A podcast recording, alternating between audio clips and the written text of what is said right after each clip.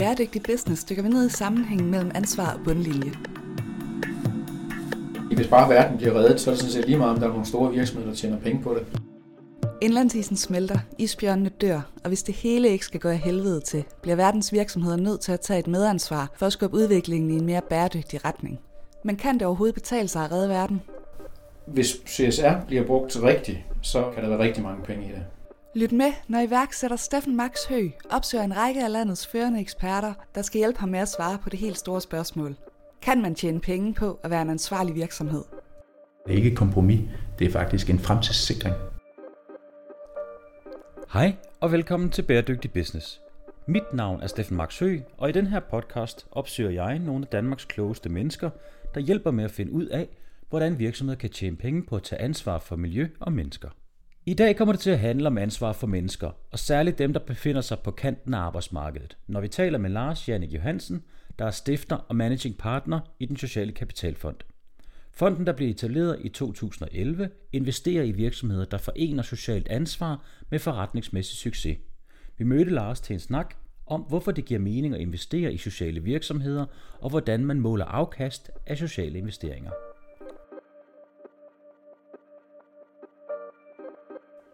Hej Lars. Hej, Steffen. Og tusind tak, fordi vi må komme forbi den sociale kapitalfond. Vi skal jo optage en podcast i dag, det har jeg glædet mig rigtig meget til. Men i lige måde, tak. Tak fordi I vil komme. Ja, selvfølgelig. Lars, vil du ikke starte med at præsentere dig for lytterne, så de ved, at øh, hvem det er, vi har med at gøre her? Jamen, mit navn det er Lars Jannik Johansen. Jeg er øh, initiativtager, stifter, om man vil, øh, til den sociale kapitalfond sammen med Trykfonden tilbage i 2010-11. Og øh, i dag er jeg det, der hedder managing partner, eller ledende partner i den sociale kapitalfond Invest, som er en særlig investeringsarm af den sociale kapitalfond.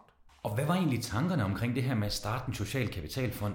Det er jo et relativt stort projekt, som, som jeg kunne læse mig frem til. Hvor kom ideen fra, og hvad var du drevet af?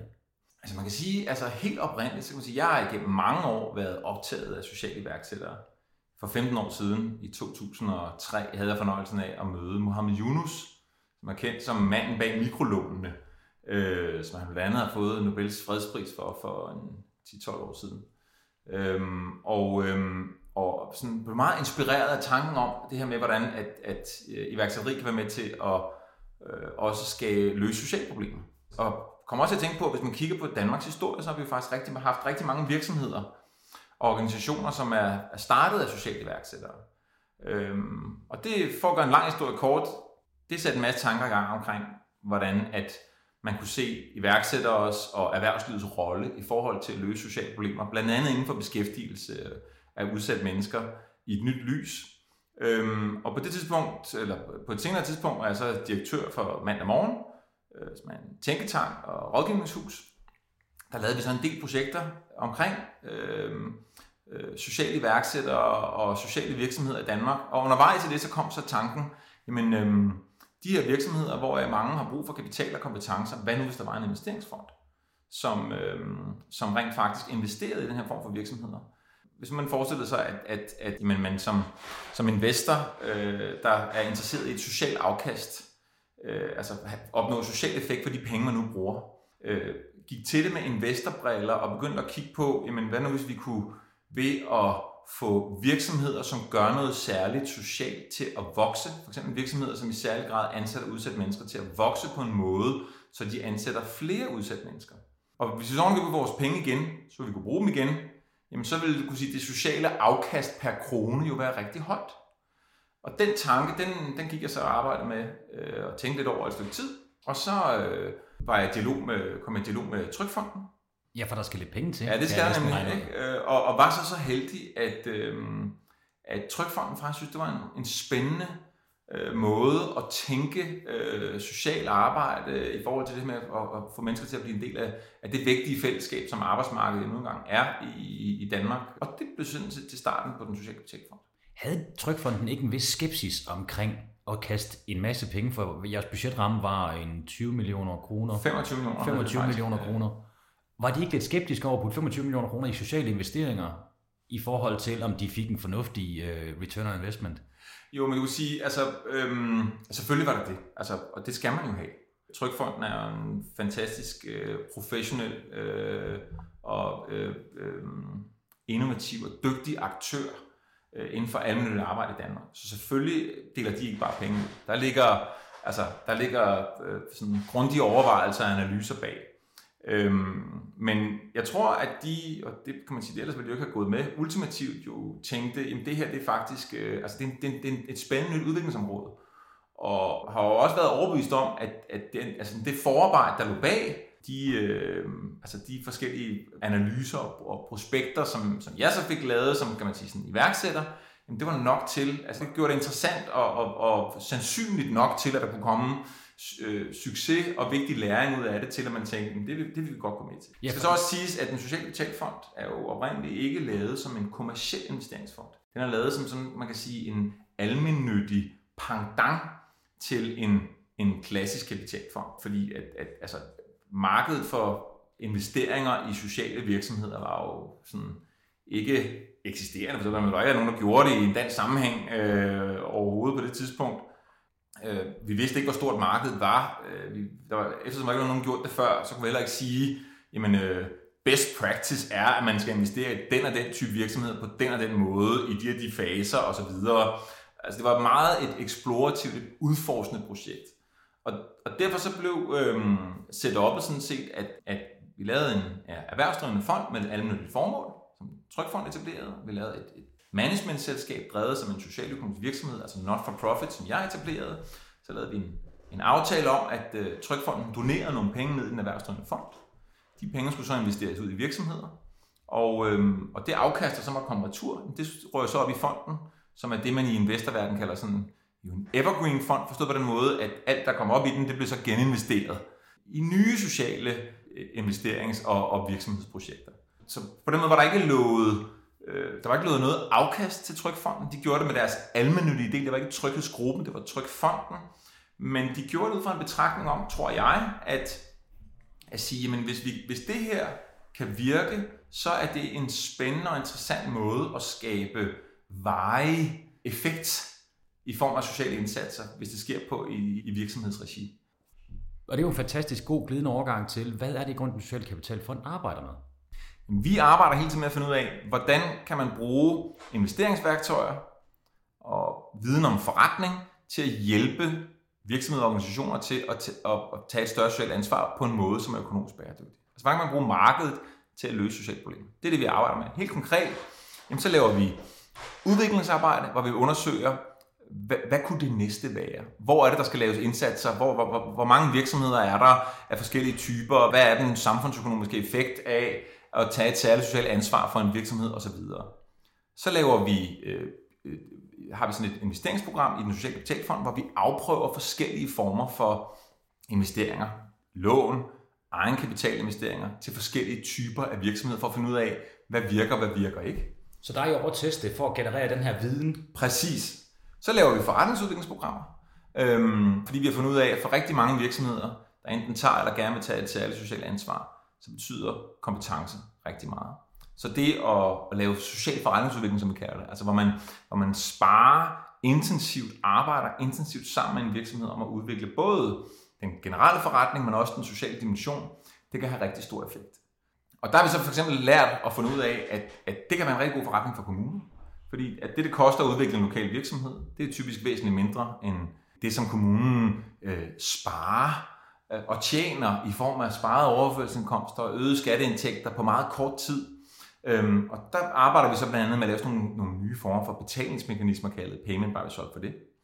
Og så det, det sidste skud på stammen, øh, som jeg selv arbejder meget med i dag, det er den sociale kapitalfond Invest, hvor vi har sagt, jamen en ting er at udvikle de her nye former for sociale investeringer, men men målet er jo at kunne skalere dem på et økonomisk bæredygtigt, altså kommersielt grundlag, fordi så kan man nå mange flere virksomheder, og så er der adgang til meget større kapital, som kommer mange flere til gode.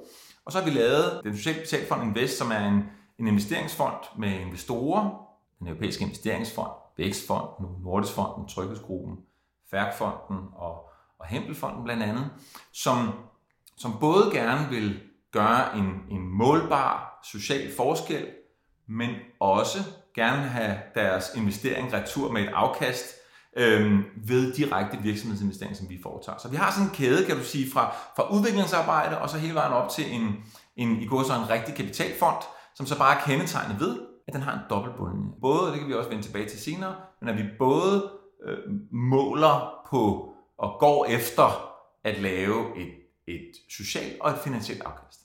Ja, fordi det nytter ikke noget, at man bare kommer med en rigtig god social idé. Der skal også være penge i det.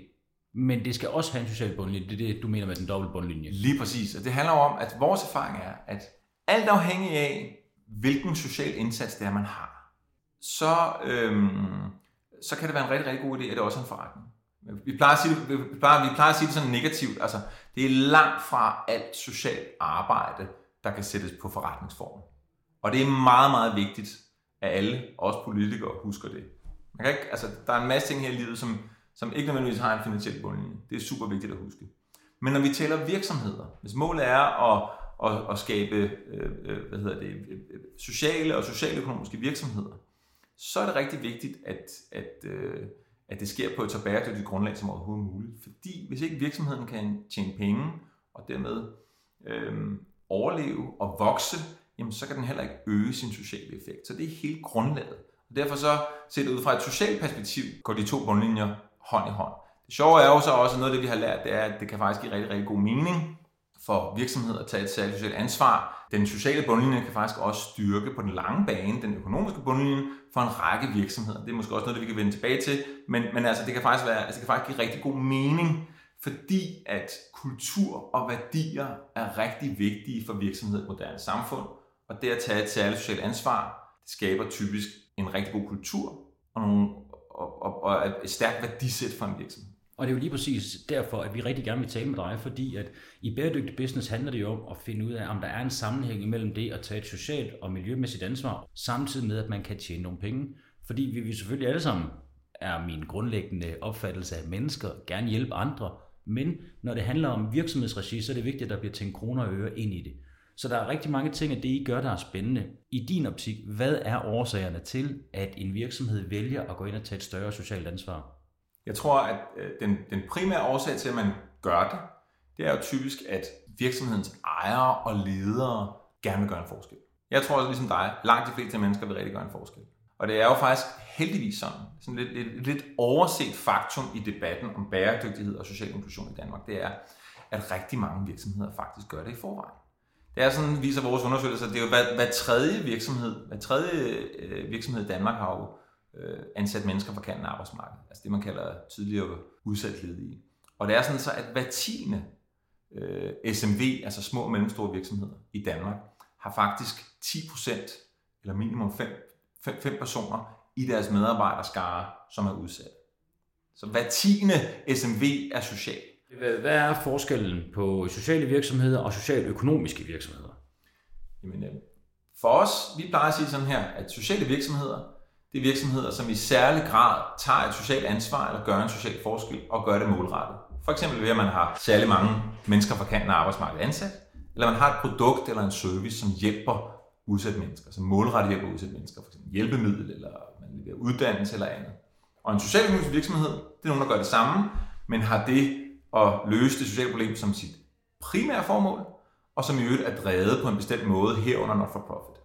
Så for os, der er sociale virksomheder, det er en bredere betegnelse, og vi kigger på hele spektret af sociale virksomheder, både dem, der ligesom er det, altså allerede gør noget særligt, og dem, der gerne vil være det, øhm, mens socialøkonomi for os, det er sådan en delmængde af det.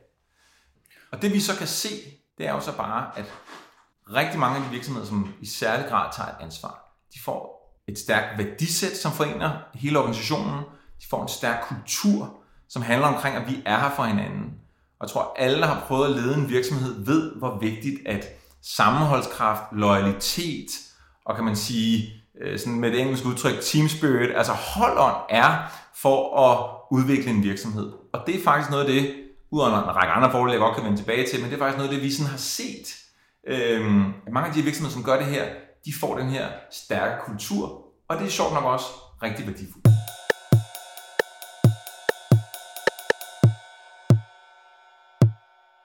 Kan alle virksomheder blive til en social virksomhed? Jeg tror, alle virksomheder kan vælge at vil gøre en forskel på deres omverden, også socialt. Jeg tror, at alle virksomheder har nogle funktioner, som mennesker, som måske ikke kan arbejde øh, 180 km i timen, kan varetage. Så alle virksomheder kan gøre noget. Øhm, og nogle virksomheder kan gøre særlig meget, fordi at øh, de måske har mange arbejdsfunktioner, som kan varetages øh, af mennesker på kanten af arbejdsmarkedet. Og det tror jeg, man skal kigge efter. Man, skal, man er nødt til at kigge ind i og så sige som, som virksomhed, jamen, øhm, øh, hvis nu ser det på det med, med friske øjne, hvor er det så, vi kan gøre noget, og hvor er det måske ikke så velegnet, at vi gør noget, og så skal man hele tiden prøve at arbejde med at, og, og gøre det bedst, man kan. Og, hvis man, og mange af dem, vi, vi jo så har set, som, som gør det rigtig godt, de får også en særlig organisation. Et eksempel, det er, der er en mellemstor, eller lidt, lidt større danske virksomhed, der hedder Creative Company, en Holstebro virksomhed, som, som er hvad er den, 15-20 år gammel nu, som øh, leverer hobbyartikler til både private og institutioner rundt omkring i Europa.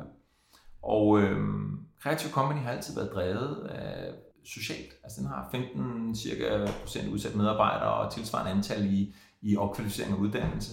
Og den har haft, for både den var lille, der har den også den dag i dag, øh, så vidt øh, jeg er orienteret. Og, og det, det, det gennemsyrer igen Creative Company. De, de, de arbejder meget strategisk og målrettet med det in-house, øh, øh, måler det, de, har sådan, de arbejder med 12 regnskaber, et af dem er socialt, Øhm, de, øhm, de er blevet kåret til en af Europas bedste arbejdspladser.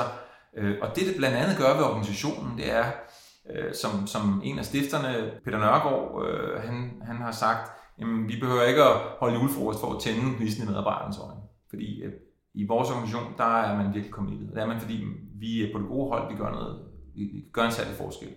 Det kan man jo også mærke ved, at det er en virksomhed, som har kæmpe stor søgning af medarbejdere.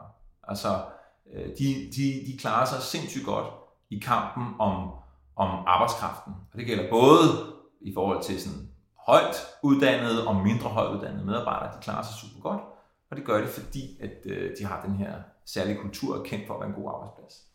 Det er så en virksomhed, som har været drevet af ejerlederne Peter, Lotte og Anders, men som nu er blevet øh, købt af kapitalfonden Capidea her lige, så jeg husker, december 16, men hvor vurderingen, som jeg kan se det udefra også er, at det må være noget, man, hvor man faktisk har sat pris på lige præcis det her med, at der var en, en veldrevet virksomhed med stærk kultur, stærke værdier øhm, og et godt brand, som blandt andet handlede om, at man var særlig socialt ansvarlig. Nu når vi har talt om, øh, om det her med kultur og hvor vigtigt det er for en virksomhed, og det kan være øh, en af de positive gains, der er ved at få socialt udsatte ansat, at, at der er en, en bestemt kultur, og der er den her team spirit, som du taler om. Hvad med på den sådan lidt mere hardcore økonomiske side? Er der, øh, er der penge i at have socialt udsatte ansat? Man, man skal gøre det, fordi at man gerne vil gøre en positiv forskel i verden. Så skal man gøre det, fordi hvis man gør det på den kloge måde, og man er en virksomhed, hvor, hvor, hvor det at tage et særligt socialt ansvar passer til forretningsformen. Det er jo ikke alle virksomheder, hvor det nødvendigvis giver super mening. Mm. Men, øh, men man skal gøre det, hvor man, så skal man gøre det, fordi at det kan skabe mere værdi for organisationer og for virksomheder. Så det... Jeg synes ikke, man skal gøre det sådan for pengenes skyld alene. Og det handler om, at hvis ikke, det er noget, hvis ikke man rent faktisk selv vurderer, at alle mennesker bør have en chance for at, at, at være en del af arbejdsfællesskabet øhm, og, og bidrage ind i arbejdsfællesskabet, jamen, så tror jeg ikke, at øh, så ligesom, så ligesom med alle andre elementer i et værdisæt eller kultur, hvis ikke de er ment, øh, så virker de heller ikke. Så skal man lade være. Men man, men man kan sige, vi kan se, at typisk for virksomheder, der ligger inden for industri, service, handel, jamen, øhm, der udover det her med at skabe en stærk kultur, øh, skabe en stærk gejst i organisationen, så det, hvor det også kan give mening for nogle virksomheder, det er, er man på et marked, hvor, hvor branding betyder noget, altså hvor den gode og vigtige og rigtige og ægte historie om virksomheden har betydning for kundernes køb af ens produkter eller services, jamen så kan den sociale dimension være vigtig. Den anden ting, det er, er man på et område, hvor, hvor altså interessant opbakning betyder noget. For eksempel, at man har gode relationer til kommunen og har et godt samarbejde med dem. Hvis det er meget vigtigt for ens virksomhed, jamen så er det at tage et særligt socialt ansvar i, sit, i sin kommune, jamen det kan jo i sagens natur også skabe positiv opbakning til virksomheden. Og endelig, jamen er man på et område, hvor, hvor der er medarbejdermangel, og det er der på rigtig mange områder, så kan en god social model, som vi siger, altså en god måde at tage socialt ansvar på, også hjælpe. Typisk på to måder. Den ene, det er, at rigtig mange virksomheder kender det her med, at man har nogle nøglemedarbejdere, som er super vigtige for det, man nu engang producerer, fremstiller og yder som virksomhed. Og de nøglemedarbejdere, de har nogle kerneopgaver, og så har de en masse andre opgaver, de også kan tage sig af administrere, rydde op, øh, gøre ved osv. Og flere af de virksomheder, vi arbejder med, de har rigtig gode erfaringer med at sige, men jamen, vi tager for eksempel mennesker, som ikke kan arbejde på fuld tid, men som måske er visiteret til et flexjob, ind og hjælper med at løse nogle af de opgaver, som ikke er kerneopgaver øhm, for, for, for, for, for medarbejderen, sådan så at, at vedkommende får frigjort mere tid til de rigtig vigtige opgaver. Så det kan være en variant. En anden variant, vi ser, det er, at der er også virksomheder, som arbejder rigtig smart og målrettet med at simpelthen rekruttere folk fra kanten af arbejdsmarkedet, have et godt samarbejde med kommunen om at lave nogle uddannelses- og opkvalificeringsforløb, have et godt system for, hvordan nye medarbejdere kommer ind og får en marker øh, i virksomheden øh, og, og bliver sidemandsoplært, og så kommer ind og ligesom bliver en del af, af arbejdsstyrken på den måde. Så man ligesom sætter som en, en, kan man sige, en strategisk vej og bidrager til at løse nogle medarbejderudfordringer på. Og så, så på den måde kan du sige, der er, sådan, der er også flere konkrete måder, hvorpå det at tage et særligt socialt ansvar, det kan faktisk styrke ens forretning. Og vi plejer at sige, at der hvor det som investor giver mening at gå ind og investere, jamen det er de virksomheder, hvor, hvor lige præcis den, den sociale og den kommercielle forretningsmodel spiller sammen, hvor du kan sige, at den sociale og den finansielle bundlinje spiller sammen. Jeg kiggede lidt i, øh, i nogle af de rapporter, I har på, øh, på jeres hjemmeside, og utrolig meget viden, I har fået samlet ind på jeres hjemmeside, så hvis man vil vide noget mere om det her område, så er det da bare at komme ind på jeres hjemmeside, der ligger der et tonsvis af data. Jeg faldt over en rigtig interessant rapport, der handlede om, øh, om små og mellemstore virksomheder, som var særligt sociale i forhold til deres omsætningstal, og, og sådan lige som jeg husker det i hovedet, så hvis man har fra, fra 10 til 50 medarbejdere, så ligger man omsætningsmæssigt noget lavere, end man gør ved en tilsvarende virksomhed, som ikke tager et socialt ansvar. Og hvis det er en lidt større virksomhed, jamen så har man nogenlunde den samme omsætning, men bundlinjen er dårligere. Så på papir ud fra i sådan ren investeringsoptik, så er særligt sociale virksomheder en dårligere forretning. Det kommer meget an på, hvordan man, øh, hvad hedder det, hvad for en vej til det her man tager, fordi hvis du kigger på dem, der ligesom klarer sig bedst blandt de både mindre og de lidt større sociale virksomheder, så klarer de sig øh, fuldstændig på højde med dem, der klarer sig bedst øh, blandt de ikke så sociale virksomheder. Men, men, men gruppen er større, og gruppen af de her virksomheder indeholder også flere virksomheder, som for eksempel er socialøkonomiske eller på anden vis i særlig høj grad vægter den sociale bundlinje frem for den kommercielle. Så vores erfaring er sådan set, at, at kan man sige, feltet af særligt sociale virksomheder på den måde bredere i forhold til, hvorvidt det er virksomheder, som, som drives sådan helt traditionelt, eller om det er virksomheder, som hvor man for eksempel siger, at det er først og fremmest den sociale bundlinje, der betyder noget. Øh, men kigger du på dem, der ligesom, kan man sige, de, de skarpeste blandt de kommercielle, jamen, øh, så, kan, så kan de skarpeste blandt sociale også leve op til dem. De virksomheder, jeg arbejder med, har de altid de sociale forudsætninger og de sociale kompetencer, der skal til for at tage et særligt socialt ansvar? Altså rigtig mange virksomheder, vi arbejder med, øh, de gør det. De gør det. De startede, øh, som du selv var inde på lidt tidligere måske, fordi man synes, man burde gøre noget. men man kendte måske nogen, der havde brug for hjælp eller andet, som, som ejer eller leder eller ejer leder. Øhm, øhm, og så er det typisk sådan, at når man når, ligesom, det er ligesom med alle andre dele af ens forretning øh, og ens organisation, når man når et vist niveau, jamen, så har man brug for hjælp til at komme videre. Og det er tit den hjælp, vi kan give. Øh, ikke i form af, at, øh, at vi er socialrådgivere, der skal man samarbejde med relevante øh, organisationer, anden aktører, kommuner eller andre. Øh, men i form af, at vi typisk kan hjælpe med, hvordan får man ligesom sat system i ens sociale indsats på en måde, så det styrker, komplementerer, understøtter resten af forretningen, øh, ikke er et mærkeligt appendix, og, øhm, og passer til det, man gerne vil opnå. Øhm, så vi plejer at sige det sådan her, at, at du kan sige, at, at, at social ansvarlighed, det er ligesom alle mulige andre dele af ens øh, øh, organisationer og forretning, det er noget, der skal modnes. Øhm, og, og på samme måde som det gælder med de rent kommersielle dimensioner, så er vores erfaring, at rigtig mange gode virksomheder med gode produkter i Danmark, kan sagtens bruge noget hjælp og sparring til at få optimere deres forretning, sådan så at de kan sælge mere og tjene mere. Fordi de får styrket deres, øh, får skærpet måske deres strategi, får styrket deres styring, få arbejdet med, hvordan de får optimeret deres organisation og deres produktion og lignende. Og det samme gælder sådan set i forhold til den sociale dimension, som vi plejer at tænke ind i det her med sådan, hvad er det for en platform, som en virksomhed opererer ud fra, og hvordan får man så også styrket den sociale dimension, sådan så at når man, når man så vokser, fordi man får bedre forudsætninger for at vokse, jamen så kan den sociale ansvarlighed også vokse på en naturlig måde i takt med det, frem for at være noget, der ligesom hænger efter. Der er nogle socialfaglige forudsætninger, som du måske også øh, øh, peger på i dit spørgsmål. Øh, og der er det jo meget vigtigt at huske, at, at øh, en produktionsvirksomhed er ikke en øh, social-humanitær organisation. Og derfor så skal man hele tiden sørge for at arbejde meget typisk med kommunen og med andre lokale parter omkring, hvordan øh, laver man den bedst mulige, kan vi sige, trappestige ind på arbejdsmarkedet for de øh, mennesker fra kanten, som gerne vil, vil ind i organisationen.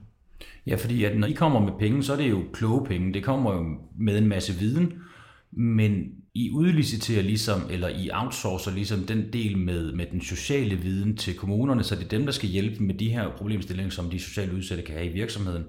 Hvorfor ikke have den internt i den sociale kapitalfond? Har I ikke overvejet det? Jeg tror, jeg synes, jeg synes ikke, man kan sige, at de outsourcer den viden. Jeg tror mere, man kan sige på den her måde, at i Danmark har vi, vi har mange organisationer, socialhumanitære organisationer. Vi har mange virksomheder og organisationer, som, som, som, som lever af at være beskæftigelsesfaglige eksperter. Øh, vi har også mange kommuner, som gerne vil det godt, men hvor kommunerne og virksomhederne bare typisk ikke taler samme sprog og har svært ved at forstå hinanden.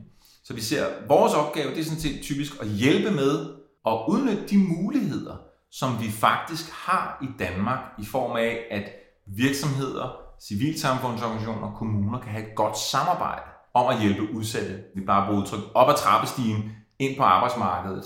Vores opgave er i forhold til det her at hjælpe med at bringe den om i spil, uden at de muligheder, der allerede er. Men vi er, kan man sige, vi er forretningsudviklere øh, og, og investorer, som har en, en, i forhold til mange andre, øh, særlig viden omkring den her sociale dimension, men vi er ikke socialrådgivere. Det er der andre, der er bedre til at tage sig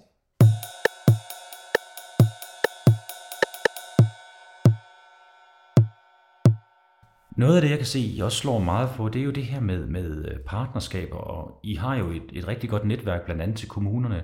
Og jeg kan ikke lade være at tænke over, at kommunerne må have en ret oplagt grund til at samarbejde med den sociale kapitalfond og med de virksomheder, der tager en socialt ansvar. For det må være en rigtig god forretning for kommunen, hvis de får løst nogle opgaver professionelt, som de skal gøre, men at de samtidig får nogle borgere, der er på overførselsindkomst. Jeg mener, det er 220.000, der er på overførselsindkomst. Så man, øh, så man vil jo, kommunen vil have en ret oplagt fordel ved at tage det her med ind kunne du forestille dig, at på et tidspunkt så kunne sociale arbejdspladser blive en del af et, øh, et udbud? Øh, ja, og, og, og, og jeg ser det faktisk. Jeg ser, der er en masse muligheder for det, og jeg ser det også sådan øh, ske i stigende grad rundt omkring. Altså på flere måder. Dels det, du siger med, at vi har et godt samarbejde med mange kommuner. Øhm, og det er fordi, jeg tror, der er mange kommuner, der, godt, der er, de er meget interesserede i, at man får flere sociale virksomheder, som tager et større socialt ansvar og, øhm, og, og samarbejder med os omkring det. Og det er faktisk en rigtig god forretning for kommunerne. Vi måske kan vende tilbage til senere. Vi, er ved at, vi har arbejdet med øh, en række sådan, finansieringsmodeller for, hvordan at, at den offentlige gevinst, der ligger i at få flere sociale virksomheder, rent faktisk kan, kan, kan udmynde sin indsats for sociale virksomheder. Så udover det her med, med, vi ser flere og flere interessante partnerskaber, både nogle vi selv er en del af, og også nogle vi bare ser rundt omkring i, i, i landskabet her i Danmark, omkring hvor kommuner samarbejder på nye og spændende måder om at få flere sociale virksomheder. Men derudover, så, det du var inde på før, det var omkring indkøbsmønstre. Det, der ser vi også det offentlige. Øh, der er stadig flere, der begynder at kigge på det her område. Øh, det du kan sige, det er, at der er kommet for, hen for det seneste år, der er kommet øh, nye EU-udbudsregler, som jo er de regler, som kommuner blandt andet skal følge, når de skal købe ting ind. Og, øh, og der er åbnet mulighed for, at man kan arbejde med det, der hedder sociale klausuler, som altså er, at når man skal købe for eksempel møbler, jamen så, øhm, så kan man øh, under en række forudsætninger lægge ind, at, der skal, at, at man kan, at noget af det, man lægger vægt på i kriterierne hos sine leverandører, det er, at man tager et særligt socialt ansvar. Man har særlig mange udsatte mennesker ansat. Det begynder at blive åbnet op for. Og vi ser også flere kommuner, som begynder at kigge på, jamen kan vi gøre noget? Øh, og man kan sige, det er jo, sådan, det er jo en gammel politisk diskussion. Øh, skal staten altid købe billigst, eller staten her i bred forstand, inklusive kommunerne, øh, øh købe billigst, eller kan der være andre forhold, eller kan der være sådan, hvad er tidsperspektivet, når vi taler billigst, osv. osv. osv. Men man kan sige, øh, det er måske meget naturligt, altså at, at øh, en, altså en kommune er jo også en politisk øh, organisation, og at det er vel også fair nok, at en politisk organisation kan være en politisk forbruger, øh, at vælge og sige, at vi vil gerne i særlig grad have lov at købe økologisk, hvis der er flertal for det, eller vi vil i særlig grad på nogle områder, hvor det giver mening, øh, have lov at, at købe, øh, øh, øh, købe socialt. Ja, men det er da også vigtigt at slå fast, at der er jo også en økonomisk fordel for kommunen, hvis det er, at de vel og mærket får flere socialt udsatte i arbejde. Lige præcis, og det er også det, jeg siger, det kan være, der kan være rigtig god ræson i det. Noget af det, vi har arbejdet med, det er jo, at, at vi laver de her former for acceleratorprogrammer, som jeg nævnte før, hvor, vi, øh, hvor virksomheder kan komme ind og få øh, 6-12 måneders øh, intensiv hjælp til at udvikle deres forretning og udvikle den sociale dimension af deres forretning. Øhm, det har vi lavet for opstartsvirksomheder, sociale startups, øh, sammen med Velux-fonden, eller med, med midler fra Velux og Vilumfonden. Vi, vi har lavet det for socialøkonomiske virksomheder med midler fra Beskæftigelsesministeriet, et udbud, vi vandt for nogle år siden. Vi laver det lige i øjeblikket for små og mellemstore virksomheder, som gerne vil tage et større socialt ansvar øh, i et projekt i samarbejde med flere kommuner og med øh, Tuborgfondet og, og Bikubenfonden og Markedsmodningsfonden og Trykfonden. Og der har vi faktisk fundet ud af, at det er en rigtig god forretning for kommunerne at få udviklet lokale små og mellemstore virksomheder til at blive mere socialt ansvarlige. Faktisk er det sådan, at hvis man tager Kolding som eksempel, Kolding er en af de kommuner, vi arbejder meget med, jamen øh, det, det koster for at udvikle en, en social virksomhed, eller en virksomhed til at blive mere social i Kolding, det er væsentligt mindre end det, som kommunen ret hurtigt har tjent ind i form af sparede overførselsindkomster og øgede skatteindtægter og andet. Og så kan man jo principielt lave sådan en, en betalingsmekanisme, hvor man siger, at det som vi sparer, det bruger vi faktisk til at finansiere indsatsen. Der er noget likviditetsforskydning og andet. Man kalder det payment by result mekanismer. Øhm, og det, det er noget, vi så sådan aktivt øh, i vores partnerskab med kommunerne og fondene, og med brug af også en del af advokatbistand og andet, arbejder på simpelthen, og lige i øjeblikket at teste øhm, øh, den her form for payment by result mekanismer i Danmark. I øvrigt noget, som vi ved, at øh, innovationsministeren, Sofie Løde, Finansministeriet har været meget optaget af at se, kan man få noget mere af det i Danmark. Fordi at, at det er en måde at sige, om man så må sige, at omsætte alene den, den konkrete besparelse. Og her tænker, der er, altså, her tænker man, at man skal aldrig glemme den menneskelige dimension af det her. Men, Selvfølgelig. Men, men den konkrete offentlige besparelse kan sådan set øh, kan man sige, omsættes til et, et, et, et investeringsinstrument, som kan ideelt set være med til at øge øh, de sociale indsatser på området. Og det er jo fantastisk, og selvfølgelig er der en masse menneskelig trivsel i, at vi får så mange på arbejdsmarkedet som muligt. Men det er også vigtigt at holde fast i, at der er en økonomisk incitament for os alle sammen, som skatteborgere og i det hele taget borgere i det her samfund, at vi får så mange i arbejde som muligt. Er der et eksempel på nogle virksomheder, hvor det er, at de laver et samarbejde med kommuner om at løse en opgave, og hvor der også er et socialt aspekt i det her? Ja, øhm, der er masser af eksempler på kommuner, som samarbejder med, med lokale virksomheder, som for eksempel er det, man kalder virksomhedscentre, altså som har sådan nogle aftaler, øh, hvor der er en aftale mellem kommunen og virksomheden om, at vi i særlig grad tager øh, forskellige mennesker fra kanten af arbejdsmarkedet ind. Det findes der masser af rundt omkring i Danmark. Men der er nogle, nogle eksempler på, på, på kommuner, som forsøger at gå nye veje med det her. Og et eksempel, det er, nu nævnte jeg Kolding, jeg også nævne Kasbrande, Herning, Albertslund, Frederiksberg, øh, med flere, som, som er nogle af de kommuner, vi har samarbejdet med, hvor man har sagt, vi vil godt have flere sociale virksomheder i vores kommune. Øhm, og vi vil også gerne have, at kommune, virksomhederne i vores kommune vokser i det hele taget og bliver større. Og det ene plejer at være et anlæggende for beskæftigelsesforvaltningen, arbejdsmarkedsforvaltningen. Det andet plejer at være et anlæggende for vores erhvervsservicecenter, vores erhvervsområde i kommunen. Nu prøver vi at slå det sammen, og der har vi lavet øh, de her samarbejder omkring vækst med social bundlinje, som programmet hedder, hvor, hvor målet i virkeligheden er at hjælpe virksomheder med både at vokse kommercielt, men også at øge deres sociale ansvarlighed, for de to ting til at hænge bedre sammen. Og, øhm, og så på den måde kan man sige, skabe større gevinst også for kommunen. Og vi tester de her payment by result mekanismer af, og hvor det typisk også handler om, at kommunen får arbejde med at bryde kan man sige, nogle af de skæld, der nogle gange kan være mellem i praksis mellem beskæftigelses- og erhvervsafdelingerne ned. Og tænke, jamen erhvervspolitik er også beskæftigelsespolitik, og beskæftigelsespolitik er også erhvervspolitik. Det hænger sammen. Så det, det, det, det, det, det er et eksempel.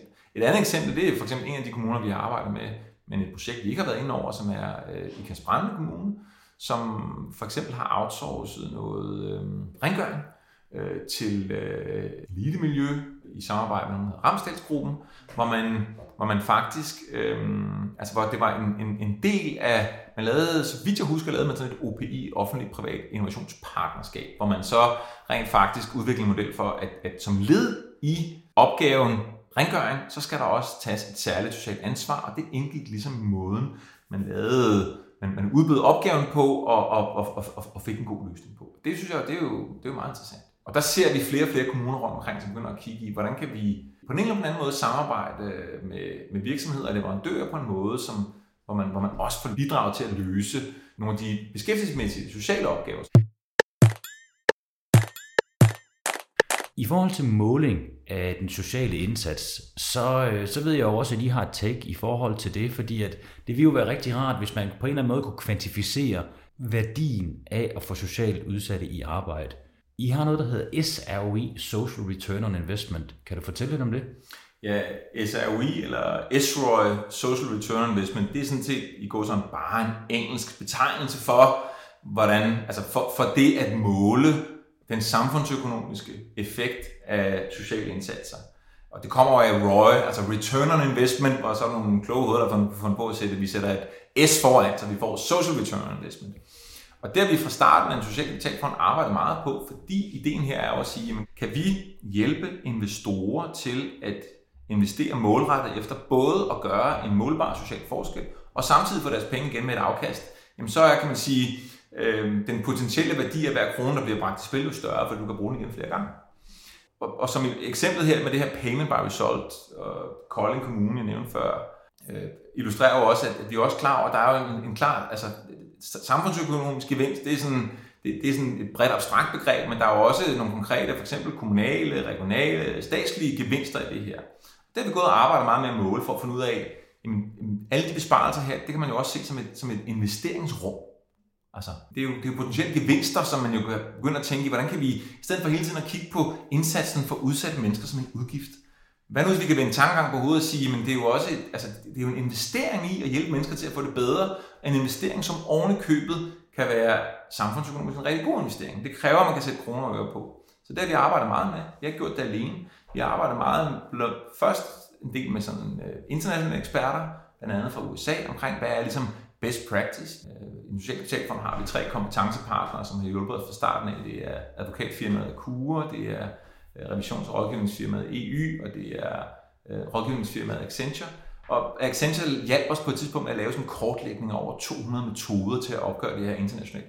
Og så har vi haft nogle projekter sammen med blandt andet Erhvervsstyrelsen, Arbejdsmarkedsstyrelsen, Socialstyrelsen, flere fonde og kommuner for at finde ud af, hvordan, hvad, er ligesom, hvad gør de forskellige parter i Danmark, og kan vi finde nogle måder at klassificere det på.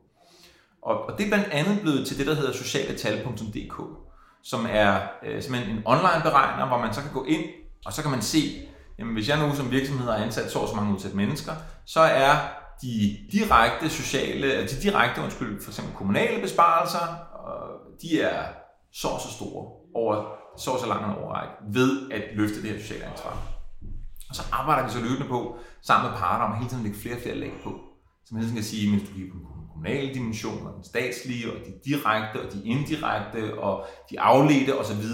Man skal se det som sådan koncentriske cirkler, eller eller en, øh, hvad hedder sådan noget, et, et æg med flere skaller udenpå, øhm, at, at arbejder vi så hele tiden på at sige, hvordan kan vi, hvordan kan vi få flere og flere dimensioner med i det her arbejde. Men, det er sådan, men første sådan, prototype ligger der allerede, der er, over 1000 brugere nu øhm, øhm, på socialetal.dk, hvor man simpelthen kan gå ind og, og begynde at og, og, og, som interessant kigge på, hvad er i virkeligheden den samfundsøkonomiske gevinst af den indsats, jeg laver. Har du nogle eksempler på nogle øh, virksomheder, som I har støttet i den sociale kapitalfond?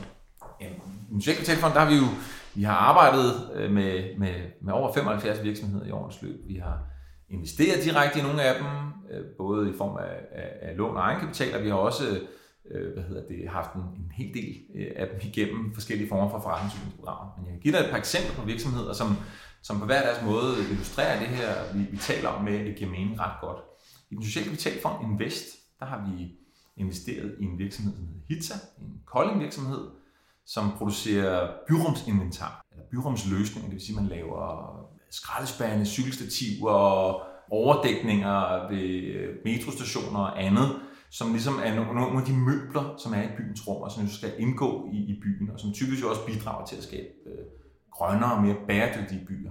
Hitza har altid været en, en socialt drevet virksomhed, hvor et eller andet sted mellem 15 og 25 procent af medarbejdere kommer fra kanten af arbejdsmarkedet.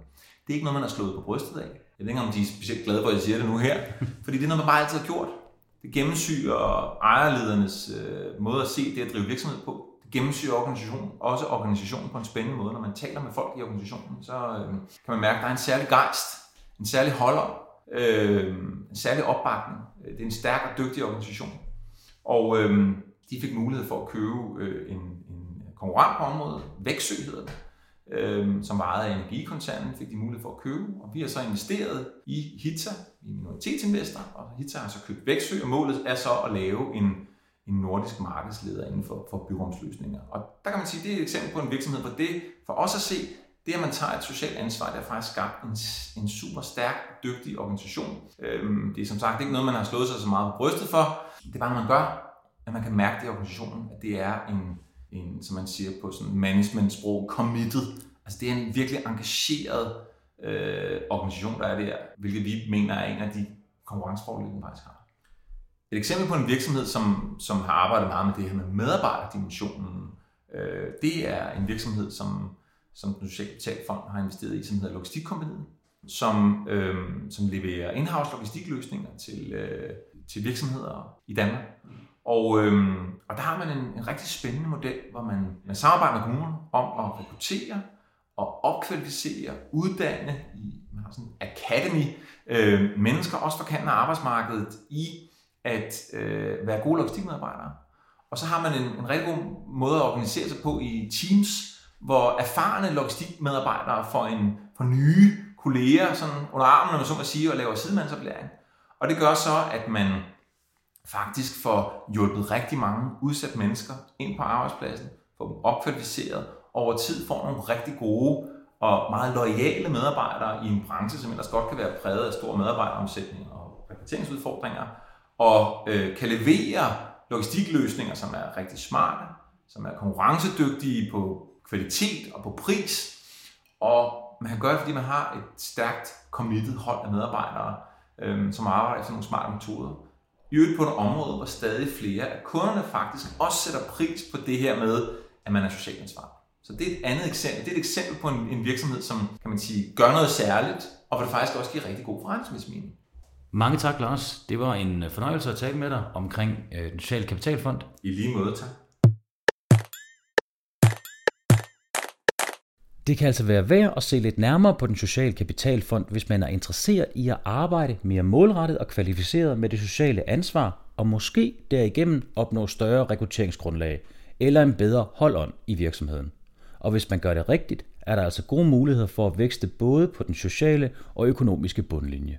I næste uge dykker vi ned i mærkningsordninger og certificeringer, når vi taler med Jakob Søjden fra Dansk Erhverv om den bog, han snart udkommer med – og som netop handler om, hvordan man får certificeret sin virksomhed på en måde, der giver mening. Jeg håber, I vil lytte med. Mit navn er Steffen Marks Høgh, og tak fordi du lyttede til Bæredygtig Business.